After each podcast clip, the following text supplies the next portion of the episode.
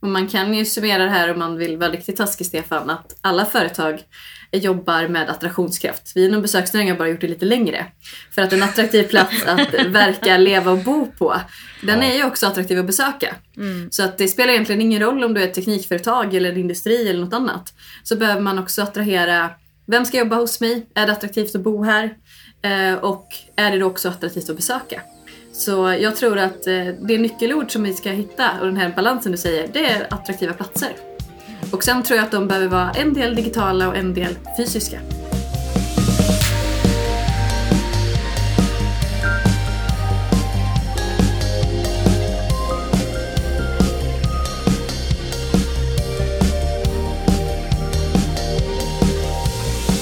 Hej Lise!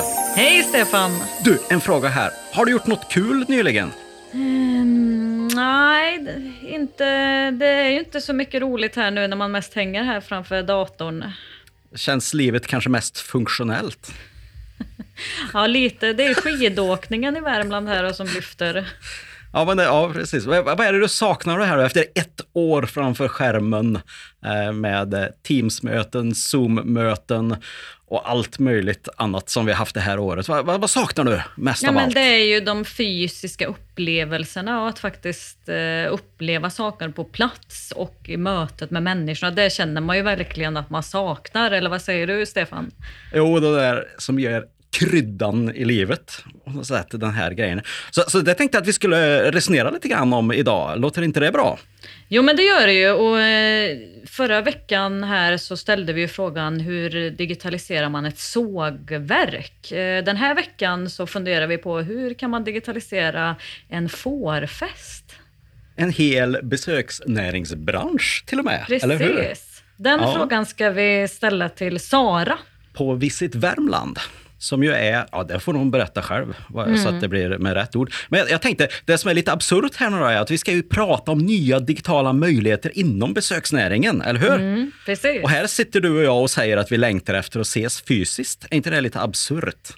Jo, men jag tänker väl också att eh, hur kan de digitala möjligheterna förstärka det fysiska? Och, och det är ju det som är intressant, så att upplevelsen blir ännu bättre. Så att, eh, vi säger väl varmt välkomna här till Be Digital-podden. Eh, mitt namn är ju Lise Bergqvist och med mig här har jag... Stefan Skoglund på Compare, det digitala klustret i Värmland.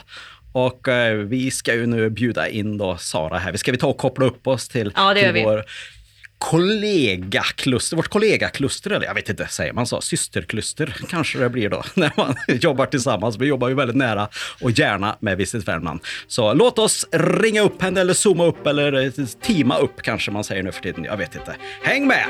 Yes!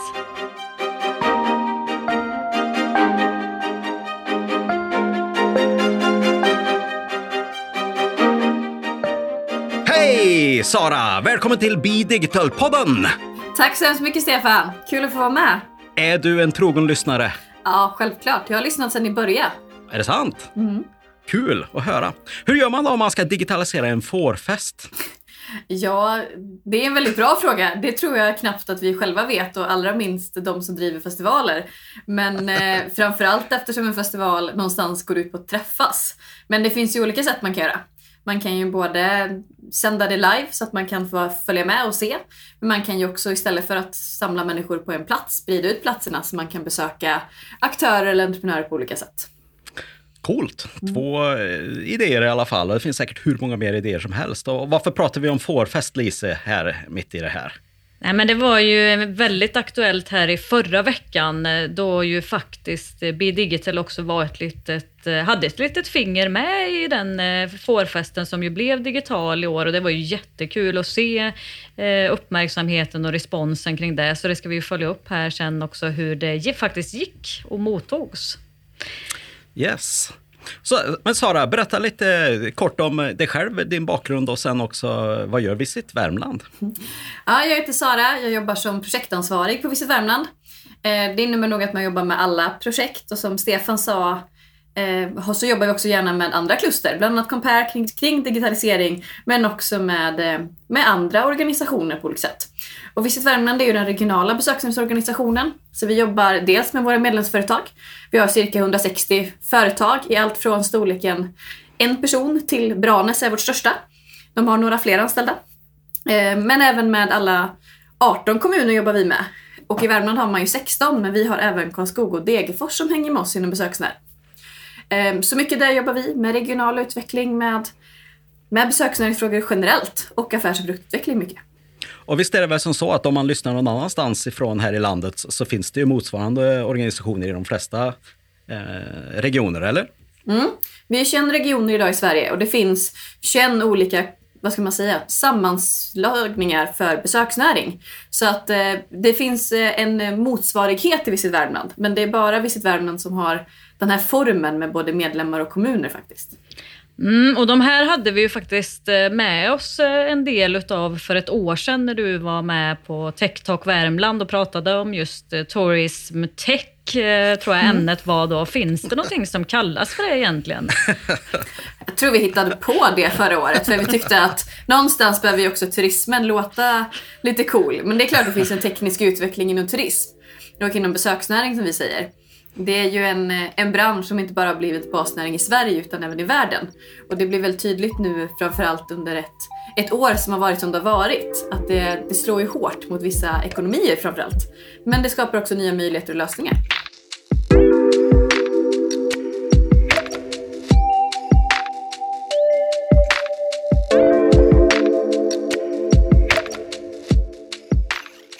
Hur har eh, branschen hanterat hela det här året rent, och om vi pratar nu ur ett tech och digitaliseringsperspektiv.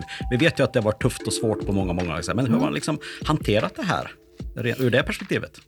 Men många har ju gått jättelångt framåt i sin digitala utveckling, både i stort och smått. Många har ju gått över till digitala bokningar såklart, men också många har skapat appar så du kan beställa mat och sitta vid ditt bord.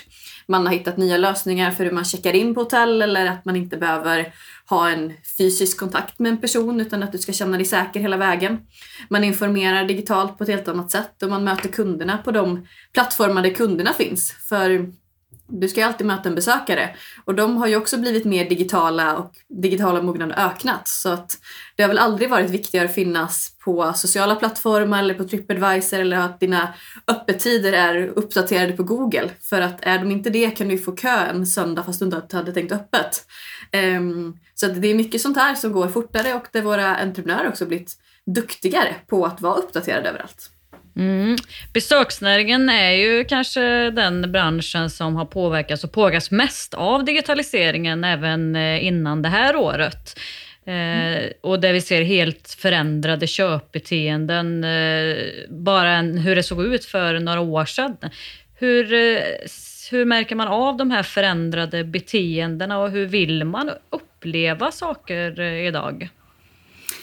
Jag tror att längtan efter att få uppleva saker på plats har nog aldrig varit större. Men man ser också en kombination. Nu börjar man tycka att det är helt okej okay att köpa en matkasse som är ganska förberedd en fredagkväll.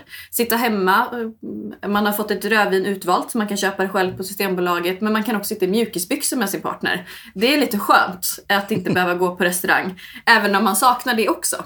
Så man hittar kombinationer på ett annat sätt. Att man man tar med det hem eller man kan uppleva att man lagar mat tillsammans med en kock online.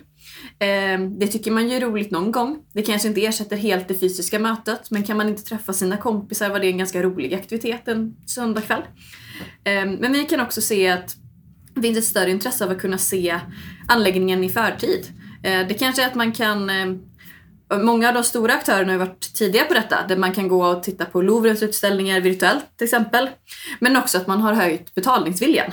Man är inte längre bara intresserad av att se det, man vill också betala för det på ett helt annat sätt. Och här ser vi ju en, ett ändrat beteende hos personer. Det tror jag inte kommer att göra att man vill sluta åka till Louvren. Men jag tror att man kanske också om man ser en specifik utställning kan tänka sig betala för den och sitta hemma för att se, är det, Paris var inte på mitt resmål idag, eller den här veckan. Jag blir lite nyfiken. Eh, tidigare var väl kanske skillnaden väldigt, väldigt mycket större mellan just privatpersoner som var ganska digitala i och med att de hade en mobil och man var direkt på plats och fick information. Och att det var ett glapp mellan företag. Men det här glappet har ju minskat mycket, mycket mer under den senaste tiden, vilket är spännande och, och kommer väl att successivt att bli mindre och mindre. Och man kan väl säga, eller kan man säga så här, det här blir en fråga istället. Det här digitala lagret då, som man nu lägger på en upplevelse eller, eller ett besöksmål eller vad det än är. Hur viktigt är det idag och hur kommer det att utveckla sig framöver i förhållande till andra? Hur viktigt är det att vara med här? För jag tänker att om man inte finns där så finns man inte. Eh, men jag kanske har helt fel här. Eh, hur tänker du kring det? Är du med på vad jag menar med digitalt mm. lager ovanpå det andra? Mm. Sen kan det ju vara en del av det såklart och en kombination mm. om man sätter ihop det här. Men, men ja, vore kul att höra hur du tänker. Jag tror framförallt att digitaliseringen har kommit till det är att tekniken som man har eftersträvat eller efterfrågat inom besöksnäringen i många år börjar nu komma ner till en, dels en prislapp som går att faktiskt använda och nyttja som mindre företag. Men det går också faktiskt att hantera. Både genom 360-kameror så kan man hux flux filma miljöer på ett helt nytt sätt som tidigare varit ganska nu säger jag krångligt, det har det säkert inte varit för den som kan. Men för en hobbyfilmare har det kanske varit en större utmaning än att göra det med en digital kamera. Eh, men man ser också att det digitala lagret kan ju addera någonting. Eh, jag tror inte att det kommer ta, ta bort upplevelsen av en plats, att du fortfarande vill dit. Men eh, tar man ett ställe som Långban i Filipstad som har mycket gruvor som du inte kan gå ner i. Det kan man ju genom digitala lösningar nu faktiskt skulle man kunna ja, men, möjliggör att få se. Du kan dyka i en gruva genom ett digitalt lager till exempel. Eller kunna se gruvgångar och gå ner på ställen som egentligen är kanske farligt att ta med ner människor. Och här ser vi en jätteutveckling som bland annat vår grannregion Dalarna har gjort. Som nu både möjliggör att Carl Larsson-gården, att man kan gå runt. Och det, det är som de säger, det är en så gammal gård så där sätter man inte en hiss. Så har du en funktionsvariation kommer du inte upp på övervåningen. Och genom det, dig det digitala nu så kan du se utställningen ändå. Så det, det möjliggör ju på ett annat sätt. Eh. Jag blir lite nyfiken, vilka andra sådana här eh, digitala, eh, vad är det för olika tekniker som man ser blir mer och mer tydliga i besöksnäringen? Det är ju, om man pratar om besöksnäringen så är den ganska fragmenterad. Vi är en bransch som har allt från fåmansföretagare som är livsstilsföretagare till större företag där, i Värmland är Branäs vårt största kanske, Eh, så det är också vilken typ av digitalisering man behöver som företag. Eh, vi har sett i sommar hembygdsföreningar som hyr ut stugor som idag satt på kodlås som är digitala istället för att dela ut nycklar. Eh, och därigenom så kan man ju möjliggöra att den som tidigare lämnade ut nyckeln är helt klart i en riskgrupp. De kanske är 80 plus. Eh, nu kan man istället skicka en kod, man kan möjliggöra uthyrning och man kan hyra ut dem dygnet runt istället för en reception som har begränsade öppettider. Det är ju en typ av digitalisering, även om den kan verka banal i sammanhanget så är det ett enormt framsteg att du nu kan ha tillgång till en stuga dygnet runt. Och det är en utveckling man ser. Eh, men också till att bokningssystem blir mer digitala. Eh, allt från att du kan boka ditt hotell, det har man kunnat göra länge online, men också att du kan checka in själv med, via, via en skärm eller via din telefon. Du kan checka ut själv och du kan sköta alla kringtjänster på ett helt annat sätt. Men däremot kan du alltid välja om du vill ha en interaktion. Men det är ju den här skillnaden. Man behöver inte ha en fysisk kontakt om man inte vill, men man tycker att det är ganska trevligt ändå.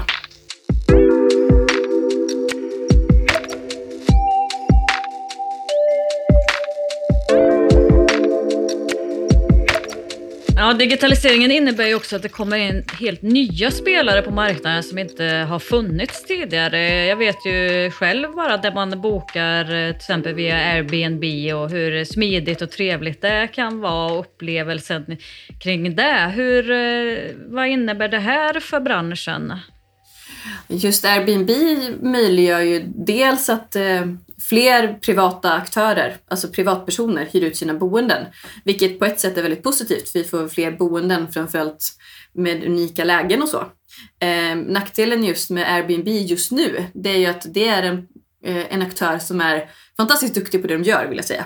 Men eh, tyvärr så går inte de in i någon statistik som vi har. Så att just nu är de ett härligt sådär mörkertal som vi har lite hatkärlek är nog ett starkt ord, men eh, lika mycket som vi tycker att de är bra och gör mycket bra i branschen, lika mycket är vi frustrerade över att vi inte kan mäta de effekterna det får i vår region. För det är klart, hade vi kunnat mäta de gästnätterna så hade det kanske gästnätterna ökat. Eh, nu kanske man står ja, ett, ett år som detta har vi kanske ingen ökat. Men ett normalår så kanske man har ökat mer än vad de officiella siffrorna visar. Ehm, men det kommer många sådana nya aktörer. Vi ser också att spelbranschen närmar sig oss mer och mer. Ehm, de jobbar ju mycket med det som besöksnäringen jobbat med i många år, fast på ett digitalt sätt. Och det är att berätta historier. Och eh, spelbranschen har varit duktiga på detta. Och eh, de behöver ju vi i många fall inom besöksnäringen för att kunna berätta våra historier digitalt. Att få det spännande, att vilja höra nästa del. Ehm, inom spelbranschen har jag lärt mig att man vill till nästa bana. Ja, ni förstår, jag spelar inte så mycket spel. um, men, men lite samma sak är det om du kommer till ett besöksmål. Vårt mål är ju alltid att du ska upptäcka nästa del. Och vi beskriver just nu Värmland i vår strategi på Visit Värmland som en salig upptäcktsresa. För det är klart att vi har kanske inte de största aktören eller de största resmålen alltid. Men vi har ju en upptäcktsresa som man nästan behöver komma hit för att uppleva och eh, intressera sig för. Och då tror vi att mycket av den här tekniken som har utvecklats under pandemin men också de här samverkansarenorna som har skapats kommer bli viktigare och viktigare. Jag tycker det är lite intressant att jag vet ju att du har bott i Kina tidigare också. Ehm, mm. Och ehm, hur, hur, kan du se, kan du jämföra Sverige och Kina lite grann här ur, ur det här perspektivet? Ja, alltså Kina hoppade ju över ett steg, eller vad man ska säga. I Sverige så någonstans på 90-talet fick vi plastkort här och tyckte att vi var digitala, digitala där. Vi tyckte när Swish kom, det var ju en revolution. Ni förstår ju själva. Eh, I Kina hoppar man över det steget. Där har man appar där du kan göra allt. Allt från att chatta med varandra till att swisha pengar till varandra till att betala mat, beställa mat. Allt går att få hemkört. Eh, plastkort förstår de inte varför man ska ha. Det är ju helt värdelöst. Och till och med eh, tanten som gör Vokat ris på gatan har en eh, QR-kod så du kan betala direkt med din telefon. Mm. Det är bara turister som är ja, lite efter som de tycker, som kommer med kontanter. Så det får gå bra en stund. Eh, så där, där har digitaliseringen gått väldigt, väldigt fort och man ser en jätteutveckling med både AR-teknik och VR-teknik på olika sätt som man använder tydligt. Eh, och det tror jag absolut kommer komma till Sverige. Men vi har kanske en lite längre sträcka att lämna våra kort och det kan man ju se bara jag kan själv betala med min telefon och har mitt kort där i. Det är någon tjänst Handelsbanken bland annat har kommit med. Eh, jag tror jag har testat en gång. Sen kändes det lite läskigt så jag har med kortet ändå. Eh, och det förstår det, det låter helt absurt när man säger högt. Men det är så. Och jag menar, det kommer nog ta några år innan jag är där också. Och då är jag ändå 90-talist och borde tycka att det här är spännande och roligt. Att, Men jag, jag, tänker då, vad händer när vi får besökare till exempel från Kina som har helt andra digitala vanor och, än vad vi har här? Men vi, vi får ibland problem. Eh, dels har vi ju ett, eh, ett, en jätteutmaning på många sätt att eh, när en kinesisk besökare, det är kanske extremfallet, de kan knappt betala. De har både ett annat betalkortssystem som heter Unipay. Eh, det innebär att Visa och Mastercard är på plats 3-4 av deras kort. Um, och våra läsare är ju Visa och Mastercard nummer ett. Så att det är inte alltid de kan betala ens med sina kort om de har tagit fram det. De kan absolut inte betala med sina betaltjänster Alipay eller WeChat Pay. Även fast några har blivit duktigare på det även i Sverige. Uh, och tänk er själva om ni skulle åka genom Norden, som oftast är en resa om du åkt så långt som från Kina. Du behöver euro i Finland, du behöver svenska kronor i Sverige, du behöver norska i Norge och sen behöver du danska i Danmark. Det är lite svårt kanske att planera sin resa, hur mycket ska vi betala? Och där någonstans i mitten så är vi fyra länder som nu säger kontanthanteringen ska minska. Så det är en härlig sån här rävsax och det räcker att vi får norska besökare. Eh, testa att parkera i centrala Karlstad. Det krävs en app. Eh, appen ska göra ett svenskt betalkort. Eh, du kan knappt betala med kontanter. Så att det finns kanske ett, inte jättemånga parkeringar att välja på om du inte är svensk för att eh, då brukar jag få svaret tillbaka, man kan ju swisha. Ja, men det krävs också svenskt bankkort eller bankkonto. Så att vi digitaliserar ibland också, som är fantastiskt för den svenska befolkningen. Men vi glömmer att titta just om vi har internationella besökare som Värmland är väldigt stora på. Ett normalår är vi fjärde plats i Sverige. Och det är klart, en halv miljon norrmän, det är bara de som bor över. Kommer några till kan man väl säga. Eh, de har utmaningar i det här fallet. Jag tänkte precis säga att eh, det här ställer ju inte bara till det för utländska turister utan det ställer ju till det bara om man som värmlänning ska åka spårvagn i Göteborg till exempel mm. eller parkera i en annan stad. Och här tycker man ju att uh, utvecklingen borde kommit längre än mm. att det i princip är omöjligt att åka buss i en annan stad för att man får inte till appen eller betalsystemet. Ja. Och det, och det är väl här besöksnäringen försöker jobba tillsammans med samhällsplanerare och samhällsutvecklarna. För det är ju det att tittar man på Västsverige är vår grannregion och i Västsverige så jobbar man ju säkert jättemånga människor för att få till västtrafik och jag är så impad av deras jobb och hur de får ihop det här. Men det är klart, de tittar hela tiden på den som bor. Det är liksom deras huvudmålgrupp och det gör även Värmlandstrafik i, i Värmland. Och någonstans där glömmer man ju bort ett besökarperspektiv. Och det, man behöver inte åka så långt som du är inne på Lisa. Det räcker kanske från, från andra sidan eh, regiongränsen så blir det här krångligt. Eh, och det är väl här vi försöker prata och jobba tillsammans, alla de regionala organisationerna. För vi har i snart 50 år sagt att besökaren ser inga gränser. Men nu börjar vi också digitalisera och vi ska skapa en app för allting. Och eh, jag vet inte hur det kommer vara med er men jag vet inte om jag på min Sverigesemester är beredd att ladda ner 83 appar för att kunna göra saker. Jag har en del andra i min telefon. Ja, men nu är vi ju snart där med tanke på att man behöver en app för varje restaurangbesök man gör för att överhuvudtaget kunna beställa någon mat. Mm. Och där, där tror jag mm. vår bransch faktiskt är lite snabbare än andra. För många tar fram sin egen app. Men man tittar också, många företag tittar på, kan man ha en gemensam app? Yes. Ehm, och det blir vanligare och vanligare. Det är lite ett Klarna-fenomen eller vad man ska säga. För det är klart, eh, Klarna är ju en betallösning som många e-handlare har valt på olika sätt. Ehm, som blev någon, någon standard nästan. Det är svårt att säga men, men det är ett företag som har fått väldigt mycket marknadsandelar. Det kommer ju såklart inom besöksnäringen också. Och framförallt när det kanske är mindre restauranger eller mindre företag.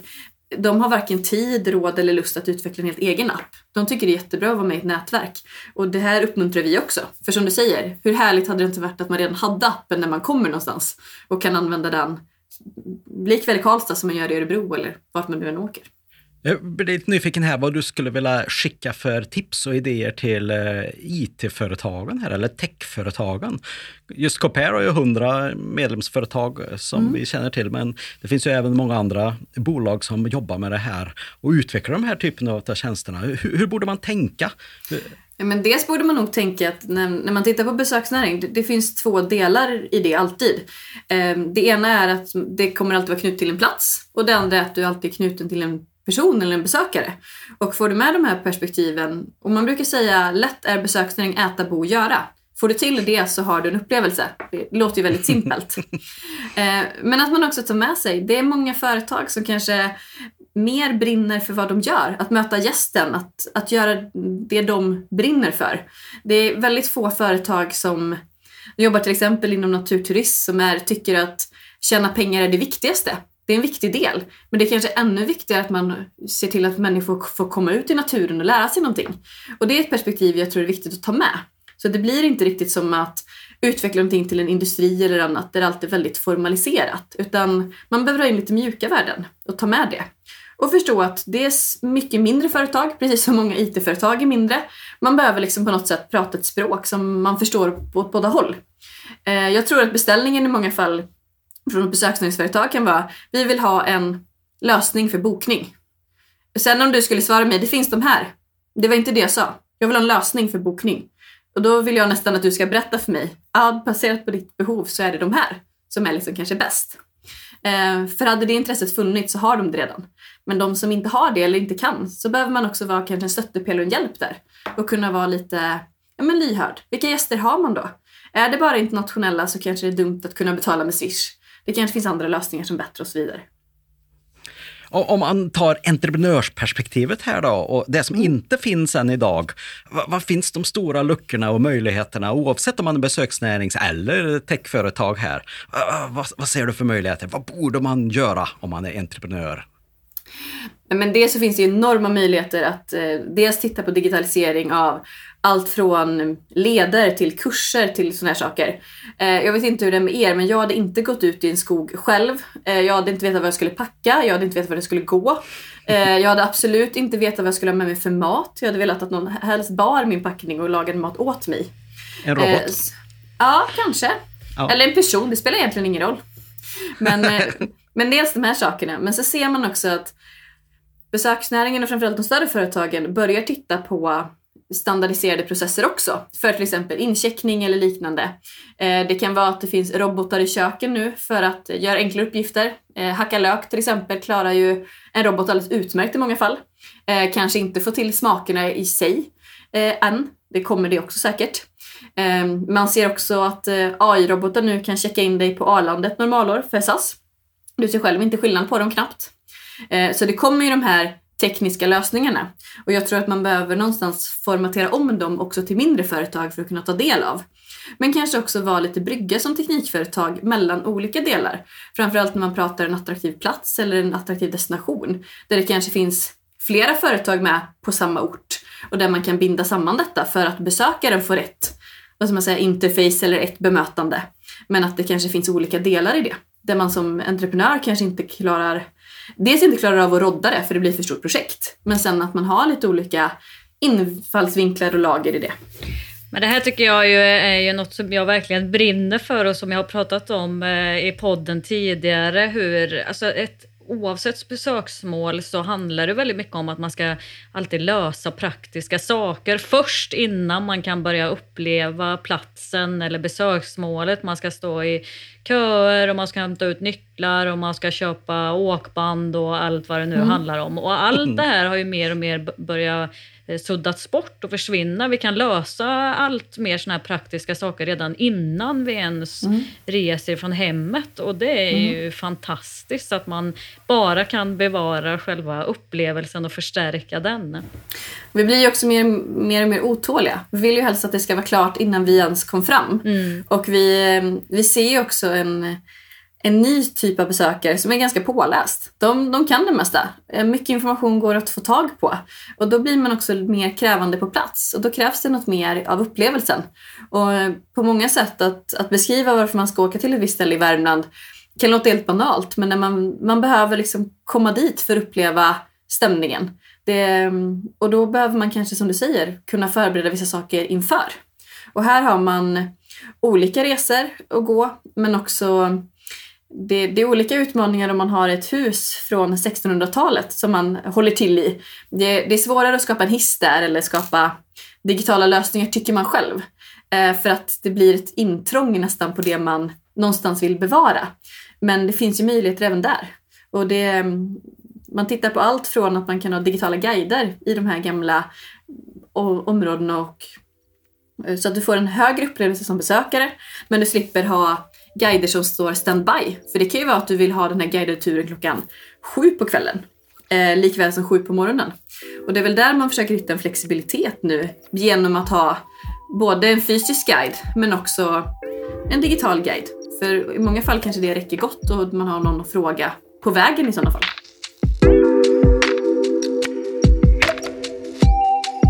Ja, vad roligt. Eh, man känner ju verkligen här att ehm, det kommer hända mycket inom det här området här också. Vi pratar ju om många olika branscher och här inte minst så har det ju exploderat eh, under det senaste året och många saker som naturligtvis kommer att leva kvar. Så det blir ju spännande att följa utvecklingen. Är det något mer här som eh, du känner att du skulle vilja lägga till, eh, Sara?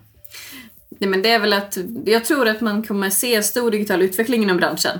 Men samtidigt så är det som, eh, jag vet att ni pratar om att er liv var funktionella nu och mycket av det man saknar just nu är ju just kanske besöksnäring på olika sätt. Så jag tror vi kommer se en kombination. Jag tror inte man kommer sluta vilja ta med en matkassa hem eh, någon dag då och då. Men jag tror inte att det kommer ersätta att gå på restaurang. Så jag tror vi kommer se en kombination i större utsträckning och att man upplever på, på nya sätt och i nya kombinationer eh, snarare än eh, att allt kommer bli som vanligt. Och jag tror också att vi kommer tänka till i det hållbara resandet. Jag tror att man kanske är ganska nöjd med att åka till Mauritius en gång i livet och sen kan man uppleva det via VR-teknik än att man måste åka dit varje år. Så att eh, det ska bli jättespännande och jag hoppas att fler värmlänningar vågar upptäcka Värmland i sommar. Verkligen. Också. Verkligen. Varför, varför ska man åka hit då egentligen, tycker du? Men Värmland har ju jättemycket fantastiska besöksföretag såklart. Men framförallt så har vi en eh, slående natur. Vi har en kultur som är unik. Eh, vi har en historia om bygd som, ja, tittar man 400 år tillbaka så var vi de världsledande inom järnproduktion till exempel. Ehm, men också människor. Eh, värmlänningarna är kända och har varit i många, många år. Så att det är väl mina tips. Naturen, kulturen, historien och människorna. Det, det är allt ni behöver för att komma till Värmland. Precis, allt vi behöver för att inte lämna Värmland också dessutom. Precis. Och om man vill eh, prata med dig och ställa mer frågor och så här, finns du på Mm. LinkedIn eller vart finns du i alla dessa kanaler som finns? Och välja på vart kontaktar man dig bäst? Jag finns absolut på LinkedIn och jag finns också på visitvärmland.org så har man våra kontaktuppgifter. Både till mig eller om man känner att någon av mina härliga kollegor är en bättre match kanske också. Då uppmuntrar vi alla att kontakta dig och dina kollegor här för att samverka med besöksnäringen precis som vi gör. Det tycker vi är underbart. Japp. Kul! Tack så mycket för att du var med i Digitalpodden, Sara. Ja, Tack själva! hej! hej. Hej!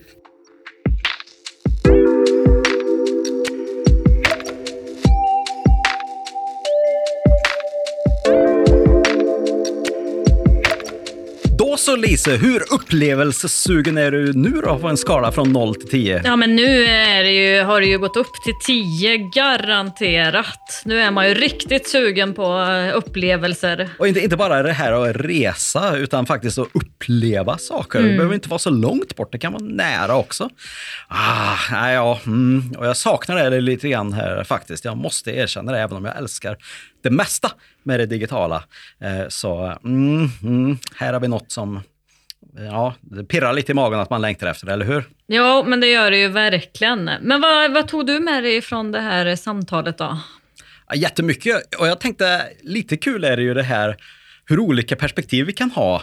Och att man då tycker kanske själv att jag är så nöjd för att här kan man betala med Swish i min eh, lilla kiosk eller vad man nu har. Eh, och så vidare. Och så kommer det en kines som inte kan betala helt enkelt fast de vill köpa det du har. Och det där kan man ju ta till många perspektiv. Att det är så viktigt att gå utanför sig själv och, och se hur, hur skulle andra vilja ha det? Och då, hur, hur ska man kunna göra en sån sak som att förstå hur någon från Kina då, till exempel om man aldrig har varit där eller har en förståelse för det här, um, har det eller vad vill ha. Och då tänker jag att det är viktigt att kanske fråga någon som vet i så fall om man inte själv vet. Och kanske fråga någon som har varit där eller fråga de som kommer därifrån. Eller då prata med en organisation som Visit Värmland kring det här. Så man får ju ta hjälp lite grann i det här och inte bara vara fast i, i sina egna tankar om vad man tror att eh, folk vill ha. Och, för det är ju ofta det som man själv vill ha. Och du, vad tar du med Ja, dig? nej, men och att det kanske ändå finns ganska många saker som man kan eh, titta närmare på när det gäller Kina. Och, eh, för de gör ju väldigt mycket bra saker när det gäller upplevelser och kring besöksnäringen.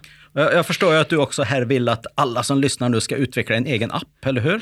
Nej, det var ju faktiskt en sak som slog mig under det här samtalet att eh, jäklar vad mycket appar man måste ladda ner idag. Och det är ju jättebra att man kan göra saker digitalt, men att det ska vara en app för varje liten grej man ska genomföra, det kan ju inte vara hållbart för framtiden. Eller vad tror du? Nej, jag tänker att det finns en lucka här att koppla ihop saker och ting eh, som företag skulle kunna göra och gå ihop och samverka och erbjuda plattformstjänster mer kanske än att folk eh, ska ha olika appar till parkering då till exempel. Men det gäller ju även betalningar och det gäller beställning av mat eller leveranser, eh, biljetter. Det finns ju verkligen en lucka för plattformsföretag här på olika sätt. Så jag tycker inte det automatiska lösningen på att, på, på att hur ska vi lösa det här? Vi gör en app. Det är liksom inte lösningen på allt längre. Det är, för några år sedan var det här helt. Men nu kan man tänka, vad, vad ska man göra framöver då? Hur kan vi förstärka vår plats eh, med digital teknik på olika sätt? Det är väldigt intressant. Ja, och det tycker jag, det hade vi ju också ett resonemang med Lotta från Karlstads universitet om just det här hur man kan förstärka upplevelsen med hjälp av digital teknik. Att det handlar inte om att det digitala ska ersätta det fysiska, utan det handlar om hur kan vi förstärka upplevelsen och då tänker jag både innan eh, och under och, och efter upplevelsen. Som en sån här incheckningsrobot till exempel. Man tänker ju inte på det eh, för den som nu eventuellt flyger i dessa tider. Men oavsett, eh, att, att du checkar in, du gör det ju egentligen via en robot. Hade man bara satt ett skal på en sån här incheckningsmojäng på, på, på Arlanda, eh, om man nu, som, som det står SAS på, de har sagt ett, ett ansikte på det, hade det blivit en robot. Och man kunde prata lite grann. Så, så den typen av grejer och det är ganska skönt att bara slippa stå i kö och bara gå fram dit och fixa det här. Ja, eller ännu hjälp. bättre tycker jag att man gör det ju hemifrån, så som det går till. Man checkar ju in liksom hemifrån, Ja, ja. så att när man väl kommer till flygplatsen, då kan man ju uppleva, man kan liksom sitta där på restaurangerna, ta en liten cappuccino och gå och shoppa lite. Är det inte det Som som, är vanligt. grejen?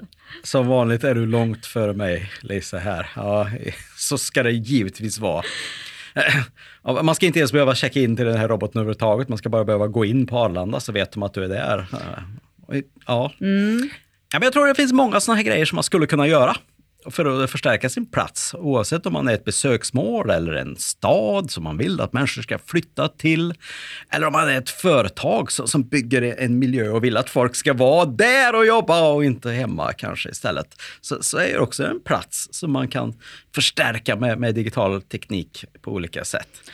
Ehm, Ja, men hur ska man göra nu då om man sitter här som eh, företag och funderar på hur skulle jag kunna utveckla eh, min eh, upplevelse eller plats? Bidigital-sajten är ju den naturliga vägen framåt. Precis, och där kan man Så få stöd och råd och faktiskt också bolla med en expert inom området. Yes, om man nu har ett företag registrerat i Värmland vill vi bara Yes. säga då. Bra. Och om man inte bor i Värmland än så var jag faktiskt med eh, häromdagen på en fantastisk aktivitet. Eh, hörde du det Lisa? Ja, Jag blev inbjuden. Ja, Det hörde jag. Hörde du det? Mm. Ja. Till det som kallas för Ny i Värmland grymt koncept som helt enkelt handlar om att det finns, eh, man kopplar ihop människor som, som funderar på att flytta till Värmland eller någon annanstans med företag, här, i vårt fall då IT-företag, eh, och så visar man upp vad man kan göra här på Värmland, i Värmland. Eh, jättekul, så jag var lite kul, jag blev inbjuden här och fick- fick prata lite grann om varför jag tycker man ska bo i Värmland. Ehm, och, och, så den som eh, skulle vilja flytta hit av olika anledningar, kolla gärna in webbsidan Ny i Värmland och registrera er där så kanske vi kan få fler människor här i som vill jobba tillsammans med oss. Vore inte det Ja. lite roligt, Lise? Ja, ja. Så kolla in Ny i Värmland också som ett tips. bra tips där. Yes, då så säger vi så för idag. Tack så mycket för att du har lyssnat på Bidigital-podden. Så hörs vi snart igen i nästa avsnitt. Det gör vi. Hej hej!